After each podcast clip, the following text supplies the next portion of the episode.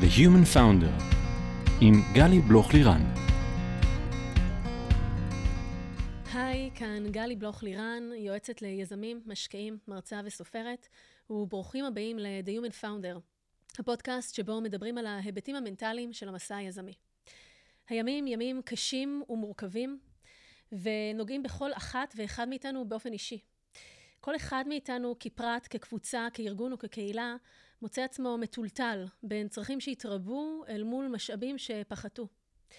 ביחד עם בית הספר לפסיכולוגיה באוניברסיטת רייכמן, ובשיתוף פעולה צמוד עם דוקטור דנה פרג, בנינו עבורכם את סדרת החוסן, מתוך מטרה להעניק כלים שיסייעו בחיזוק החוסן הנפשי הנחוץ כל כך בשעה הזו, בהתמודדות עם רכבת ההרים הרגשית שלא הכרנו כמותה. בחרנו אנשי טיפול ומחקר אשר יסייעו לנו להבין טוב יותר את מה שקורה לנו בנפש, במשפחה ובעבודה, בעת התמודדות עם אירוע טראומטי. המטרה שלנו היא לתת מילים ותובנות במקום שאלו נעדרות, ולהקל במעט, במה שאפשר, על ההתמודדות הנפשית והרגשית, כדי שכולנו נחזק את החוסן האישי והקהילתי שלנו, וביחד ננצח. היום איתי כאן בפרק דוקטור דנה פרג. דנה, ממש כיף שאת כאן, וכיף על שיתוף הפעולה הכל כך מיוחד הזה שהרמנו ביחד ב-no time. אז תודה שבאת. שמחה להיות כאן. דנה, את אה, פסיכולוגית של עולם העבודה וראש תוכנית התואר השני בהתנהגות ופיתוח ארגונים באוניברסיטת רייכמן, עוסקת בשאלות של אה, גיבוש זהות מקצועית ומשמעות בעבודה. והשנה, ב-1 באוקטובר, יצאת לשבתון נודד, וכמה ימים לאחר שפרצה המלחמה, את חזרת לארץ בצו 8 אזרחי. אה, וזה חלק מהצו שמונה האזרחי שלנו עכשיו ביחד. אה, היום בפרק שלנו בסדרת החוסן, שבעצם יפתח את הסדרה הזו, שיהיו בה כמה וכמה תחומים, אנחנו ניגע בנושא הכל כך רחב ואבסטרקטי הזה של אנושיות, חוסן, ומי בעצם האנשים שאנחנו אחרי השבעה באוקטובר 2023. בשורה התחתונה בטוח שכולנו לא אותו הדבר. אז איפה זה ככה פוגש אותך? את יודעת, אני חושבת, שככה הזכרת שחזרתי, אני חושבת שהקטיעה הזו, היא בקטן, קטן, קטן, מספרת סיפור הרבה הרבה יותר גדול. כי ב-7 לאוקטובר נקטעו החיים של כל אזרחי מדינת ישראל. של רבים, ליטרלי, החיים mm-hmm. נגמרו. Mm-hmm. אנשים נרצחו, נפלו בקרבות.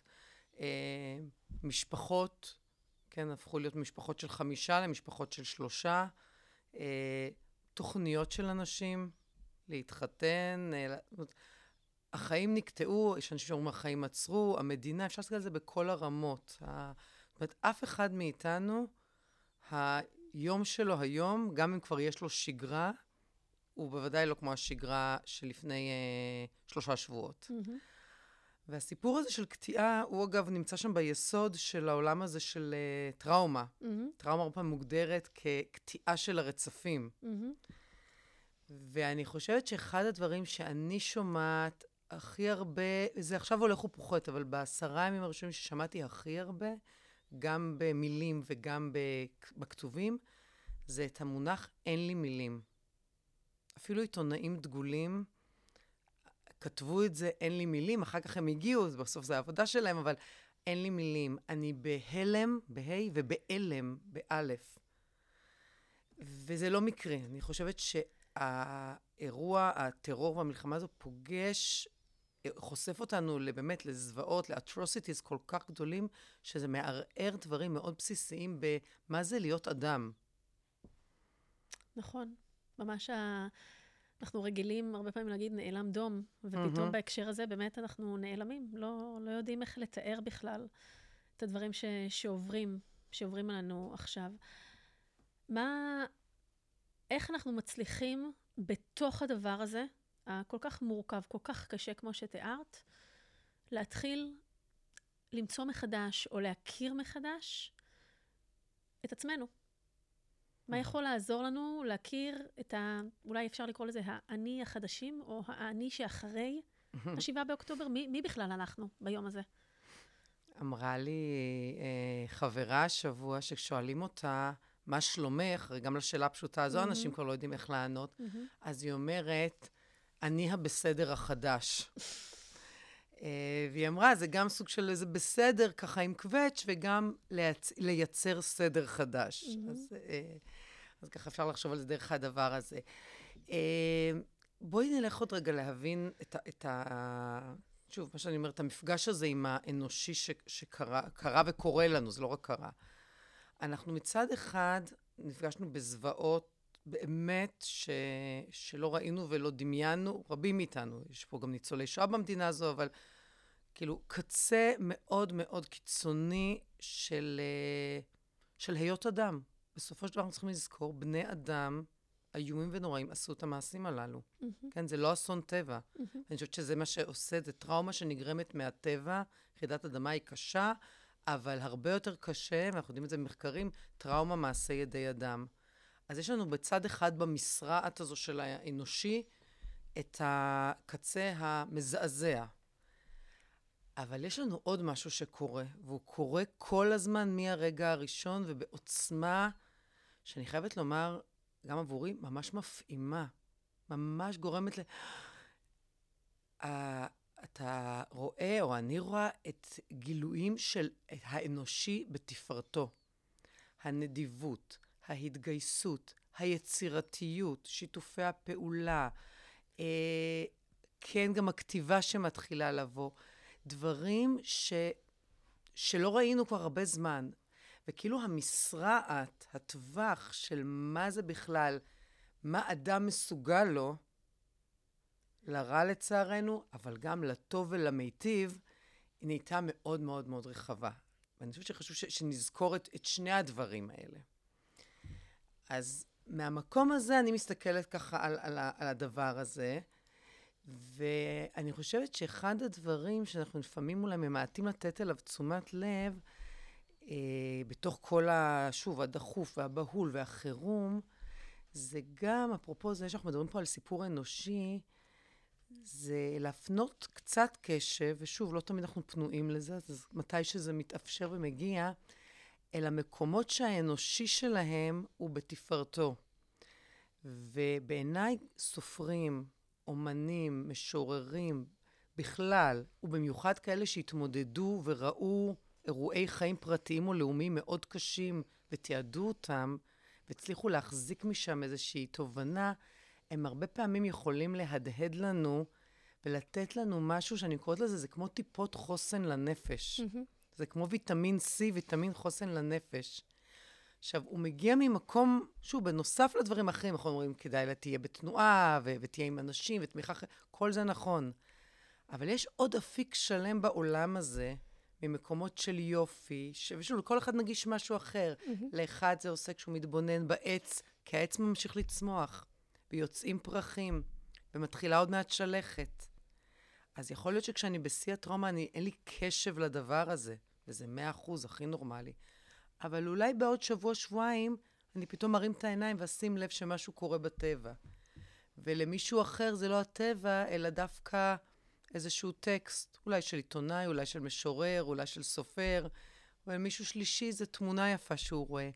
זה כל הזמן הטיפות האלה שיש טוב ויופי בעולם. Mm-hmm.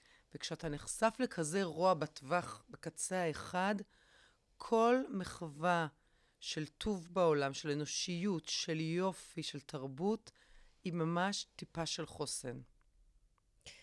אני ככה מקשיבה למה שאת אומרת, וההקבלה הבלתי נמנעת והמתבקשת בראש, שפוגשת אותי גם במקום האישי, ואני יודעת שגם נדבר על זה, היא בעצם על העם שלנו בשואה.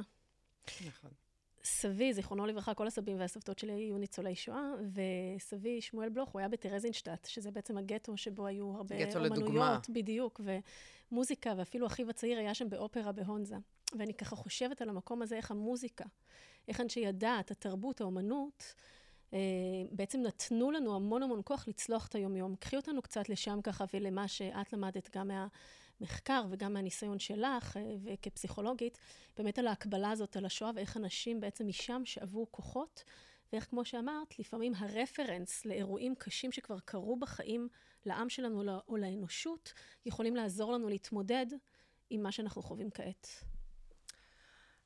אז את יודעת, את מזכירה את, אה, את השואה, והשואה בשלושה שבועות האחרונים כל הזמן אה, חוזרת, והיא חלק מהסיפור הקולקטיבי שלנו. Mm-hmm.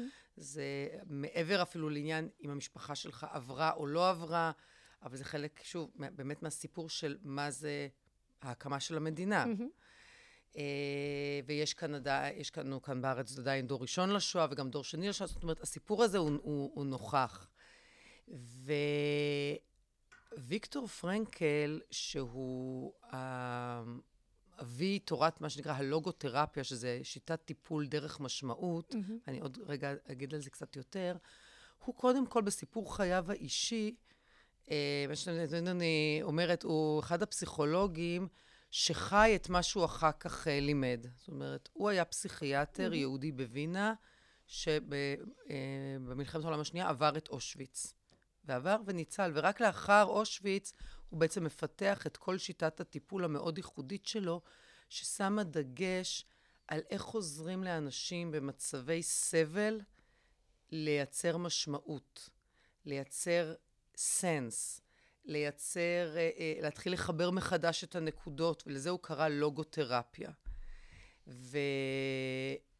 שוב, אנחנו, כשאנחנו מדברים על הסיפור הזה של חוסן דרך משמעות, או טיפול בטראומה, כשאני אומרת טיפול, אני לאו דווקא מתכוונת לדבר הפורמלי של עכשיו ללכת למטפל שיעשה לי טיפול. זה חלק מהפעמים נדרש, אבל זה גם איך אנחנו מטפלים בעצמנו. השיח שמתרחש בתוכנו. השיח שלנו, השיח שלנו אחד עם השני, היכולת להיתמך. ואחד הדברים, כמו שאמרתי קודם, האירוע הטראומטי כמו המלחמה, היא קוטעת. והיא לא רק קוטעת תוכניות, והיא לא רק קוטעת חיים, שזה הדברים הקונקרטיים, אבל היא גם קוטעת רצפים. הבנה שלנו, רגע, מדינת ישראל זה כן המקום הכי בטוח בעולם, ביתי ומבצרי, האומנם? זאת אומרת, תחשבי כמה דברים, כמה דברים שהם המובן מאליו של פרדיגמות, חיינו, ממש. פרדיגמות שהם המובן מאליו שלא חושבת עליהם. ביתי ומבצרי, או אני מרגישה ביטחון בבית, זה, נכון? הכי בבית בעולם, וכל... כל הדברים האלה פתאום... מוטלים בספק נכון, מסוים. נכון, מוטלים בספק, ואני שומעת את זה גם מאנשים באזור המרכז. Mm-hmm. לא רק ממי שהיה באזורי התופת. שאנשים אומרים לי, אני נועלת את הבית יותר, אני, אני נועלת את החלונות, אני דואגת.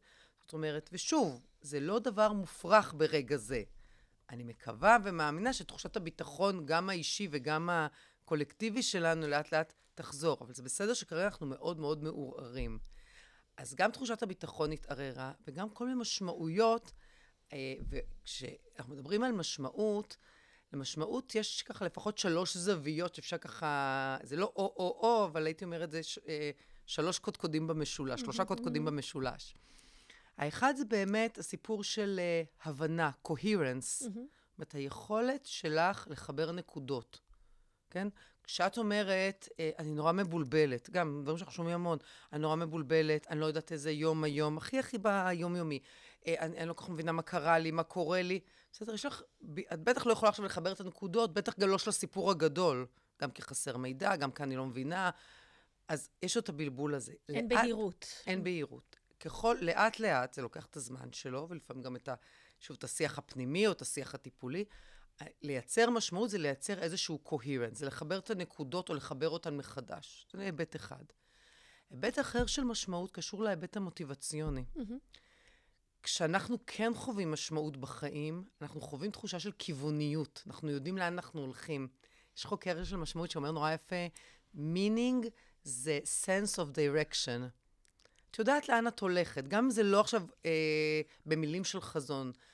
אחד הדברים שקורים באירוע טראומטי, שוב, התוכניות נקטעו. מה עכשיו? תכננו עכשיו uh, לשפץ את הרפת ולהוסיף עוד שכונת הרחבה לקיבוץ, נגיד בקיבוצים. Mm-hmm. תכננתי, ואת שומעת את זה בכל העדויות. מה קורה? מה עכשיו מכוון אותי? גם אני מדברת עם אנשים, אנשים אומרים אני קמה בבוקר, גם אם כבר הכנתי to-do list, אני מסתכלת על זה ואין לה פשר. ואין sense של meaning בתוך הדבר בדיוק, הזה עכשיו. בדיוק, אין, אין, אין לי meaning שנותן לי drive. Mm-hmm. זה הכיווניות. בדיוק. אז דיברנו על ההיבט המוטיבציוני, וההיבט השלישי במשמעות זה ההיבט של mattering. כל אדם כדי לחיות חיים של בריאות נפשית בעולם הזה צריך להרגיש that he or she matters, שיש לנו ערך. Mm-hmm. והדבר הזה קשור מאוד, ל... ושוב, כשוויקטור פרנקל נמצא באושוויץ ובבידוד, וכל אדם לעצמו, ואתה מאוד מוגבל במה אתה יכול לעשות, איך אתה בכלל מוצא ערך? מישהו רואה אותך, אתה עם הפסים שחור לבן, אתה הופך להיות צל אדם. מי אתה בתוך הדבר מי הזה? מי אתה? Do you matter in the world? מישהו, אוקיי? Mm-hmm. Okay? אני חושבת שבדיוק שלושת הקומפוננטים האלה, של לייצר את ה-coherence, לחבר את הנקודות, לייצר מחדש כיווניות ומוטיבציה, ולזהות מקומות איפה I can matter now. אז יכול להיות שהיו לי תוכניות אה, להיות משמעותית באיזשהו פרויקט מאוד גדול שתכננתי להוביל בקיבוץ או בעבודה או בשבתון, וכרגע זה מתערער. זה לא אומר, אגב, שזה לא ישוב, או לא ישוב בצורה אחרת, אבל כרגע הכל מתערער. אז זאת תעלה השאלה, האם אני יכולה עכשיו בסיטואציה הזו, כשאני במלון, כשאני מפונה, וזה נכון גם למי שהוא לא בקו הראשוני, וזה נכון גם לקו הראשון וגם לקווים יותר בעורף. איפה אני יכולה to matter? ואולי זה יהיה באופן שונה. אני אתן לך דוגמה נורא קטנה. כשנחתתי בהלם ובהלם, עם דמעות, ולא מבינה כאילו לתוך מה אפילו אני חוזרת, כי עדיין מחו"ל עם כל התקשורת זה עדיין, החוויה היא לגמרי אחרת. המטוס נחת, וכתבתי לחברה שהיא מנהלת משאבי אנוש באחד מבתי החולים בארץ, כתבתי לה, חזרתי לארץ לאור המצב, ואמרתי לה, אני לרשותך ולשירותך, וכתבתי לה, שום דבר אינו קטן עליי. אני מוכנה לבוא לחתוך סלט בבית חולים, אני מוכנה לבוא לשנע פצועים, ואני... וככה הרגשתי. אגב, באותו רגע הרגשתי, אפרופו to matter, שדווקא היכולות שהן בדרך כלל הדומיננטיות אצלי ביום-יום, שזה לא חיתוך סלט, הם כרגע הלכו לישון. הם כרגע, אני בהלם ואלם איתם. אני לא יכולה לדבר, אני לא יכולה להרצות, אני לא יכולה לכתוב, אני לא יכולה להמשיג. לכן אמרתי לה, אני מוכנה לבוא, לשנע, להזיז, ובימים הראשונים, זה מה שעשיתי. ניחום, ניחומי אבלים, וביקשו, תקפיצי את זה לפה, תביאי את זה לשם. And it mattered. It mattered to them practically, and it really mattered to me. ואנחנו באמת uh, רואים את זה בכל רוח ההתנדבות המאוד מאוד משמעותית, שכמו שאמרת, שהיא בצד השני של הספקטרום של המשרד, של הנתינה הזאת והעשייה הפשוטה, המיידית, היומיומית, בין אם זה באוכל, בצעצועים, בעזרה כזו, נותנת המון המון משמעות ותחושת עשייה. ובאמת, ויקטור פרנקל ש- שהזכרת, הספר שלו, כך הוא נקרא, אדם מחפש משמעות, או נכון. Man Search for Meaning. Mm-hmm. ואני אגיד שזה בדיוק זה, זה המשמעות בכל השלושה קודקודים האלה שהזכרת. בדיוק למצוא את המשמעות מתוך הדברים הקטנים והכי הכי מיידיים, שביום-יום, לפעמים אנחנו לא שמים אליהם לב. אני אוסיף לך עוד משהו על ויקטור פרנקל. הספר של ויקטור פרנקל נכתב במקור בגרמנית, mm-hmm. והשם המקורי שלו בגרמנית זה טרוצטם. טרוצטם בגרמנית זה אף על פי כן, mm-hmm. שאני מאוד אוהבת את השם הזה. והספר, ויקטור פרנקל בעצם אומר, אף על פי כן. אף על פי כן מה? אף על פי כן האדם מחפש משמעות. אני אמשיך דר, דרך זה, או גם דרך זה, מפתח חוסן ועוגני חוסן, ומצליח לאט, לאט, לאט, ואין פה קסמים. זה לאט, לאט, לאט. זה לא עכשיו, טוב, נחבר את הנקודות, נתקתק. לא, זה צעד קדימה, שניים אחורה. אבל כן, טרוצדם.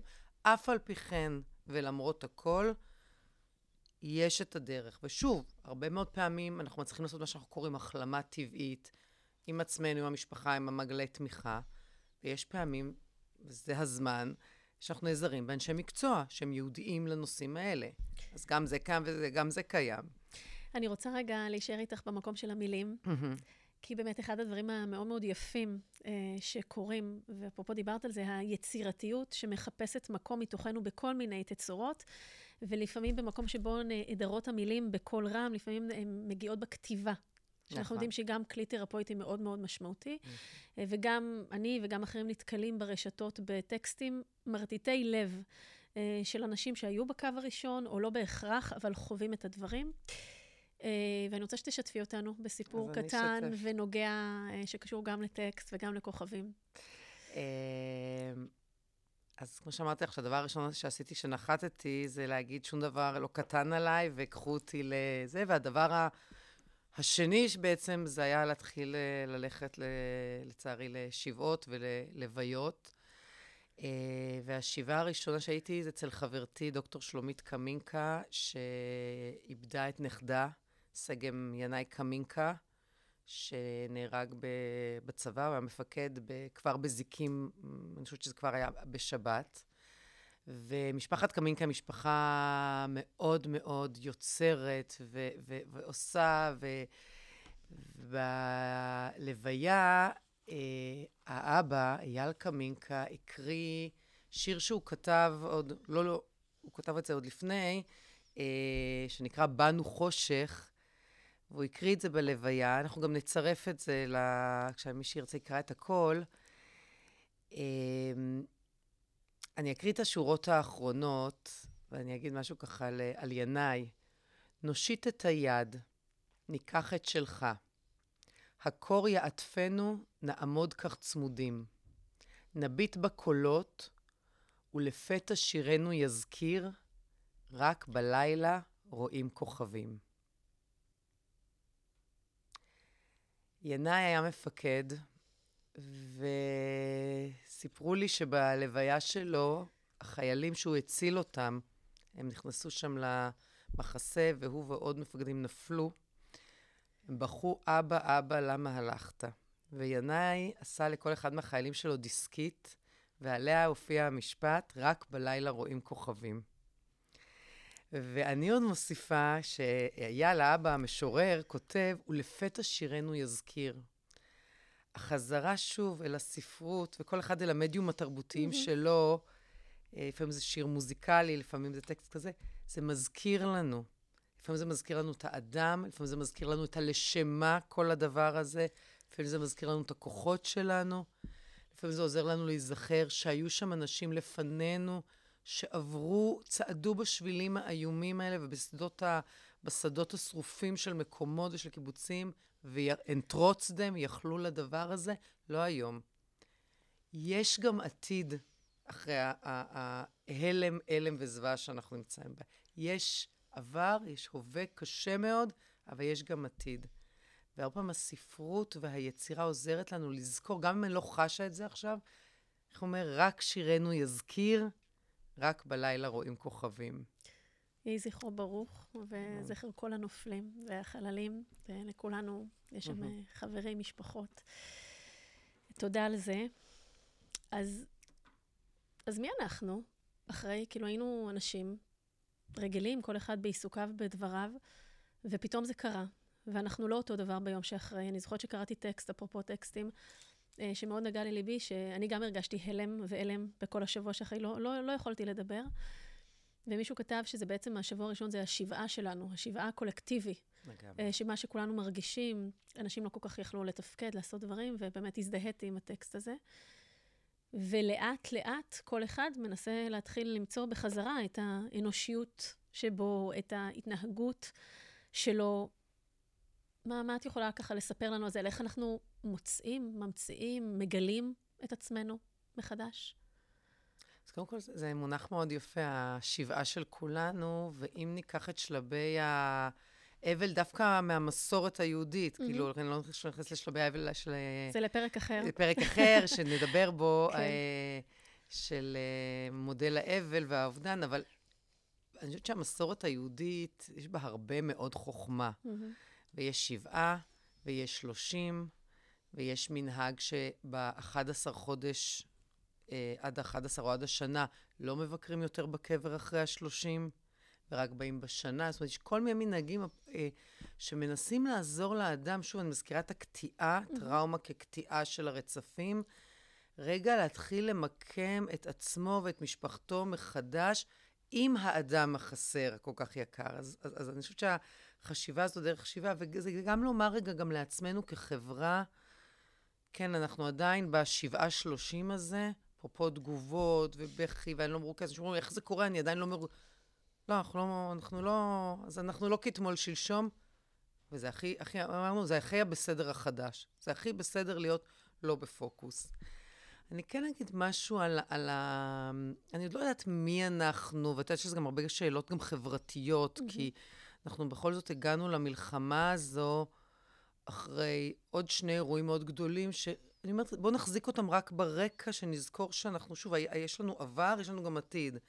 באנו אחרי uh, קורונה, שזה איום אקזיסטנציאליסטי, איום קיומי על החיים שלנו, זה כבר נראה לנו קטן, אבל אני מזכירה שאנחנו היינו פה בפחד ובאימה, mm-hmm. אנשים מתו פה. פחדנו לפתוח את הדלת מסיבות אחרות, שמא נדבק, פחדנו לחלות, שוב. זה גם היה משהו מאוד מאוד לא מוכר. מאוד נכון. מאוד לא מוכר ברמת ו... ההתמודדות. אז באנו מהאיום, היה את האיום הזה. Mm-hmm. בשנה האחרונה החברה הישראלית, ובלי עכשיו להיכנס מבעד ומנגד, אבל החברה הישראלית נאבקה על זהותה, שאלה שאלות קשות, נקראה, אה, קרו פה תהליכים מאוד מאוד מאוד אה, מכאיבים, חשובים, מכאיבים, אבל mm-hmm. אנחנו שוב, אנחנו לא באים למלחמה הזו על, על, uh, תחת גפננו ותחת תאנתנו, אנחנו mm-hmm. באים בתוך השלוש וחצי שנים, מתוך uh, אירועים... טעונים ומורכבים. טעונים, וגם מאוד, שיש בהם איום קיומי. כן. אני חושבת שזה מה שאני רוצה להגיד. אז זה, זה רגע על הקונטקסט, אפרופו לזכור גם שבאנו מאיזשהו מקום, וגם אנחנו הולכים לאיזשהו מקום. אנחנו לא רק נהיה בהווה הטראומטי. אבל אני כן אגיד משהו על האנושי, אז אני לא יודעת להגיד לך עוד לאן אנחנו הולכים כחברה, אני חושבת שזה, בטח לי, קטונתי, זה מוקדם לי מדי. אבל אני כן אגיד לך מה למדתי, וזה גם, למדתי וגם אני משתדלת, ואני חושבת שזה מאוד ניתן ליישום, שוב, דווקא מהלוגותרפיה ומהסיפור הזה של תרפיה מונחית משמעות ומוויקטור פרנקל.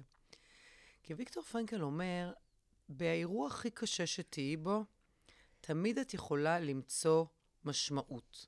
עכשיו, הוא לא מדבר על המשמעות של החיים שלי, זו חשיבה שהיא גדולה מאוד כשאת נמצאת במצוקה. לא מתאימה זה לא כרגע. זה לא מתאימה, היא לא, הוא לא מדבר על זה. הוא מדבר על למצוא משמעות בחיי היום-יום. קטנה אומר, ומיידית. קטנה ומיידית. עכשיו, גם זה מאתגר, והוא נותן לנו, אני חושבת שאת זה אני גם רוצה ככה לתת לשומעים ושומעות שלנו.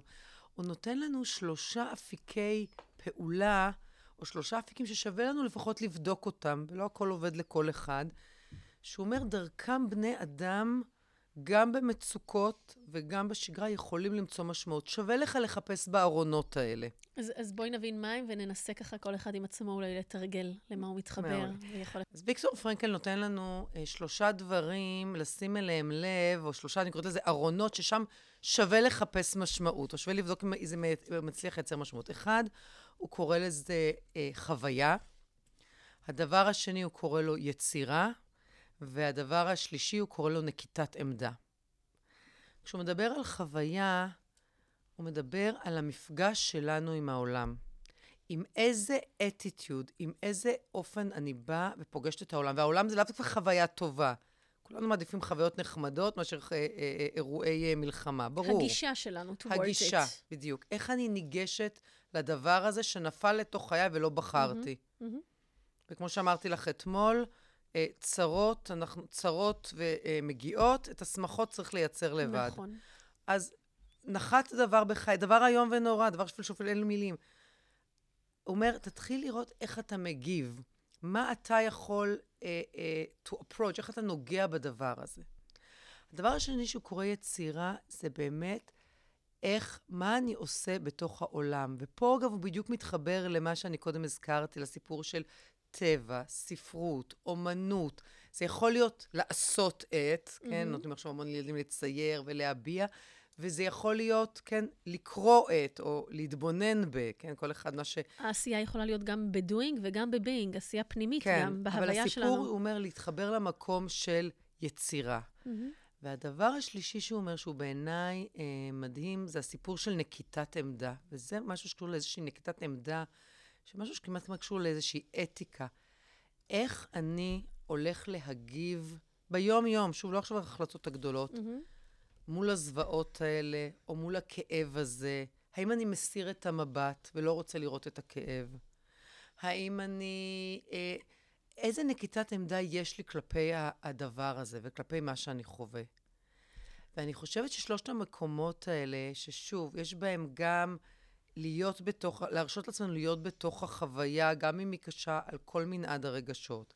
גם היכולת ליצור ולעשות, ולא להרגיש שצריך להתנצל על זה. אה, אוקיי, אז אם יצירה יכולה להיות בקטן, מי שקמה בבוקר, אני באחד המלונות, אני מבקרת באחד המלונות בארץ, ואני ככה מדברת עם אנשים, ובערב שבת הצטרפתי אליהם לתפילת קבלת שבת. והנשים כולם היו לבושות מקסים. ומישהי אמרה לי, כן, ארגנו לנו פה כמו חנות שאנחנו יכולים לקחת, mm-hmm. ו- וחלק הביאו, כן הצליחו להביא מהבית, אה, לא, לא שאלתי מאיפה. ואמרתי לעצמי, וואו, זה כל כך יפה, שהיה להם חשוב לכבוד שבת, או לכבוד הרגע הזה, או הטקס הזה והתפילה, כאילו לאסוף את עצמם, ועם מה שיש, באמת להתלבש יפה. זה זה. והנקיטת עמדה, זאת אומרת, נקיטת עמדה שהיא גם אה, איך אני מנהלת את התגובות שלי. כי ויקטור פרנקל תמיד אומר, בין האירוע לתגובה, על האירוע אין לנו שליטה. Mm-hmm. אף אחד לא בחר את זה, mm-hmm. אף אחד לא רוצה, כאילו, כולנו היינו שמחים לנקות מחיינו הרבה אירועים שליליים. אנחנו לא יכולים. הם הגיעו, וכנראה גם יגיעו כל מיני דברים אחרים. אבל אנחנו יכולים גם להרבות בטוב, בנדיבות, ביופי, ב, אה, בתמיכה, בקשר עין, שוב, הטיפות של החוסן. אנחנו יכולים אה, לנהל ברמה מסוימת את התגובה שלנו. זה לא יקרה תמיד ביום הראשון, שיכול שכל הזמן אני בוכה, או בשבעה, אבל גם בשבעה אני יכולה להיות עם לב פתוח, לקבל את החיבוק, למשל, או להגיד תודה על הסיפור. ואני חושבת שאלה הדברים. אני רוצה להתחבר לשתי נקודות שאמרת, אה, שקשורות לסיטואציה. קודם כל, אחד הדברים שאנחנו מרגישים כרגע, כולנו, כל אחד במקומו, זה אובדן שליטה. אובדן שליטה על מה שקורה, על הסיטואציה, על איך אנחנו מתנהלים בתוכה. אה, וזה משהו מאוד מאוד משמעותי ומאוד מערער. ובאמת השלוש זוויות האלה שאמרת ליצירת משמעות, שאומר אה, פרנקל, על ההתנסות בחוויה, בחוויה, על היצירה ולנקידת עמדה, זווית נוספת שלהם היא בעצם החזרת יכולת או תחושת השליטה העצמית, הפנימית לגמרי. שלנו, בדברים אפילו קטנים, במשורה, אבל זה עוד לבנה ועוד לבנה קטנות, שעוזרות לנו להתחיל לחזק מחדש את תחושת השליטה שלנו, שהיא כל כך, אנחנו נעדרים אותה כרגע, ואנחנו מאוד מאוד צריכים להחזיר אותה. ובאמת, נקודה נוספת... ובטפטופים. נכון. אני להזכיר, אנחנו עובדים בטפטפות. זאת אומרת, אנשים רוצים מהר, עכשיו, מיד, זה לא פאסט פוד. זה לא עובד ככה, הנפש לא עובדת הנפש ככה. הנפש לא עובדת ככה. טפטפות. ו- ויש משמעות לזמן, ויש משמעות לתהליך, ויש משמעות לעיבוד בעין, mm-hmm. שעוזר גם בעיבוד באלף של כל מיני דברים. אה, ובאמת, הציטוט המאוד מאוד מפורסם של ויקטור פרנקל, שמדבר על ה... in the space between mm-hmm. stimulus and response, there's a, a, a choice, and, and, and, and uh, there's a freedom uh, to choose how we react to things. וזה בדיוק הנקודה הזו, שבאמת ב... אנחנו רואים את זה הרבה בנשימה שלנו, נכון? כמו שיש לנו בהכנסה של האוויר, ה-inhale ל-exhale, והיכולת שם ככה לייצר מרווח. זה בדיוק הנקידת עמדה והתגובתיות שלנו לדברים. איך אנחנו בוחרים להגיב, איך הגישה שלנו, ועוד התנסות ועוד התנסות ועוד התנסות אל מול הדברים, תעזור לנו לסגל את התגובות אה, שיותר אה, נכונות אה, ככה עבורנו בתוך הסיטואציה הזאת, כדי לאט-לאט להתחיל להחזיר את תחושת השליטה ולייצר בעצם את החוסן להגדיל שלנו. להגדיל את המרווחים. נכון, בין נכון. בין האירוע לתגובה. נכון מאוד. משמעות, להגדיל את המרווחים. בהתחלה הם נורא נורא צפו... קרובים. אירוע תגובה מאוד קרוב. ולאט, לאט, לאט להגדיל את המרווחים. להכניס לשם נשימה. דנה, אנחנו ככה תכף אה, נצטרך אה, לשים פסיק. אה, אנחנו באמת בסדרה ניגע בכל פרק בתחום ספציפי שקשור לילדים ולחרדות ולטראומה ולחוסן ולחוסר ודאות וככה להמון המון נושאים שכולנו עכשיו מתמודדים איתם במידה כזו או אחרת.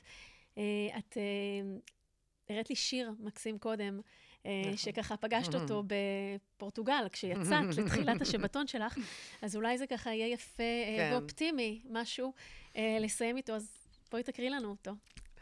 אז פרדיננדו פסואה הוא אחד מהמשוררים של פורטוגל. בכל מקום יש פסלים שלו, והוא מאוד מאוד ידוע, ויש לו שיר שהכרתי גם עוד לפני האירוע הזה, וכבר השתמשתי בו לעצמי, mm-hmm. וגם עם קבוצות שעבדתי בכמה אירועים מטלטלים. Mm-hmm. אז פרדיננדו פסואה, מהכל נשארו רק שלושה דברים. הידיעה שאנחנו תמיד בהתחלה, הידיעה שאנחנו חייבים להמשיך, הידיעה שיפסיקו אותנו לפני הסיום. לעשות מההפסקה דרך חדשה, לעשות מהנפילה צעד של מחול, מהפחד גשר ומהחיפוש מפגש. אז תודה על המפגש הזה. תודה לך, אה, ותודה על כל הדברים ככה שעוד אה, נביא לפה אה, ביחד. אני גם מוצאת שככה השירה, השירה, הספרי שירה, מאוד מאוד יכולים לעזור עכשיו, ככה אנחנו מתחברים למילים העוצמתיות. אז דנה, תודה על הנגיעה ברקמה האנושית הכי שברירית שלנו היום, ולאט לאט אנחנו נעשה אותה ונחזק אותה. תודה לכם שהאזנתם, תודה לכל האוניברסיטה, לבית הספר לפסיכולוגיה, לאוניברסיטת רייכמן ולצוותים שלנו שתמכו בהפר... בהקמת הפרויקט החשוב הזה. אני גלי בלוך לירן, תודה שהאזנתם ל-The Human Founder. נשים פסיק וניפגש בפרק הבא.